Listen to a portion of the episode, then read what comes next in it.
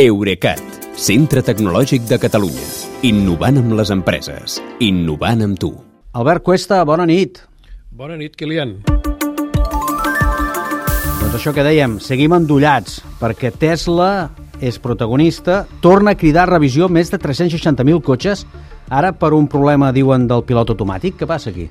Doncs mira, aviam, fa, poc de, més, fa poc més de 3 mesos la marca ja va haver de demanar als propietaris de 350.000 vehicles que els portessin al taller, la majoria per un defecte de software que encenia els pilots del darrere quan no tocava i uns quants més per la calibració del coixí de seguretat que s'inflava sol, circulant a poca velocitat. Uh, ara les autoritats de trànsit dels Estats Units, com deies, han notificat que 362.758 unitats dels models S, X i 3 de Tesla presenten risc d'accident amb la modalitat Full Self-Driving, o sigui, el pilot automàtic, perquè el software, que per cert és opcional i costa fins a 15.000 dòlars, pot fer que el cotxe no detecti bé els semàfors en groc, Ostres. que superi el límit de velocitat Home. o que segueixi recte els encreuaments encara que circuli per un carril de gir obligatori. Doncs deixa'm refermar l'ostres que he dit abans.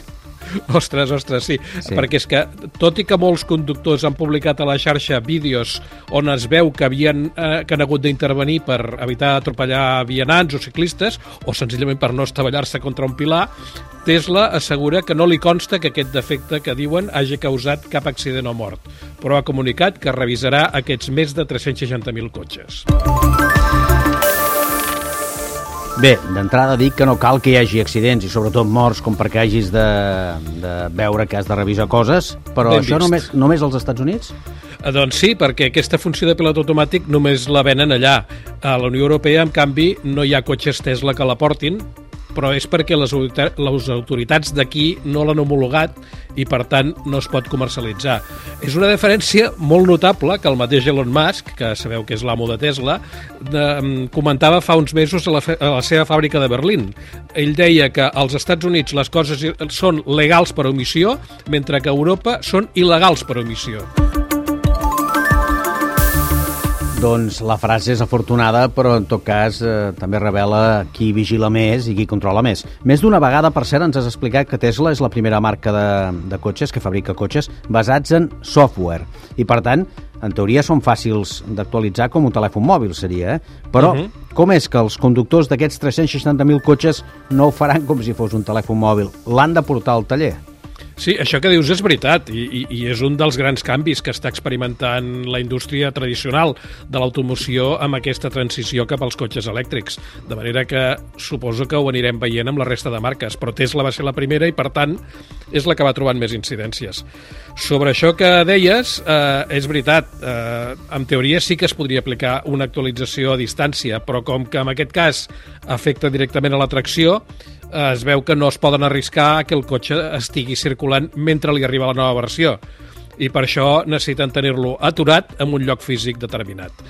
Uh, de tota manera, a mi no m'ha quedat del tot clar en què consistirà aquesta revisió, perquè se suposa que la nova versió del software no estarà disponible fins al 15 d'abril, això ho ha dit Tesla.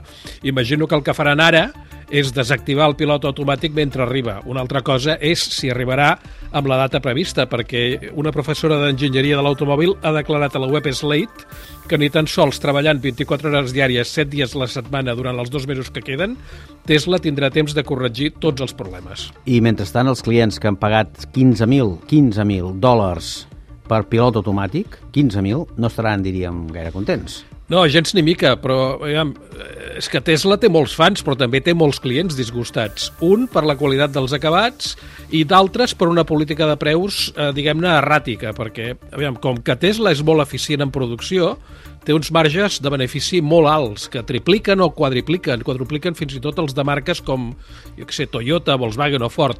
I últimament eh, està aprofitant aquests marges per fer rebaixes de preu eh, tan inesperades com molt considerables, però el que no fa és oferir cap compensació als pobres clients que s'havien comprat el cotxe pocs dies abans pagant 8.000 o fins a 10.000 euros més. Clar, eh, et rebenta una mica que per uns dies hagis pagat tant més. Unes promocions que també deuen rebentar, deuen tenir emprenyats, si m'ho permets dir així, els fabricants mm. de la competència. Uh, sí, mira, un, un, avui mateix el Luca De Meo, que és el president de Renault i que ho havia sigut de Seat, de Seat sí. es queixava al Financial Times de que les rebaixes de Tesla aquestes els estan complicant molt la vida. Uh, també et dic que jo m'ho miro diferent, perquè amb excepció de les marques xineses uh, em sembla que el mercat dels cotxes elèctrics no es dispararà fins que baixin de preu i no em sembla que les marques europees vagin per aquí perquè semblen conformades venent menys unitats però més cares. En tot cas, potser acabem recordant que Tesla és l'única marca de cotxes que té els menús en català i potser si els altres en prenguessin exemple, en vendrien algun més aquí.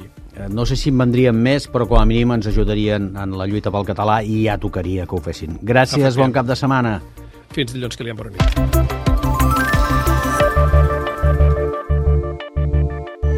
Eurecat, centre tecnològic de Catalunya. Innovant amb les empreses. Innovant amb tu.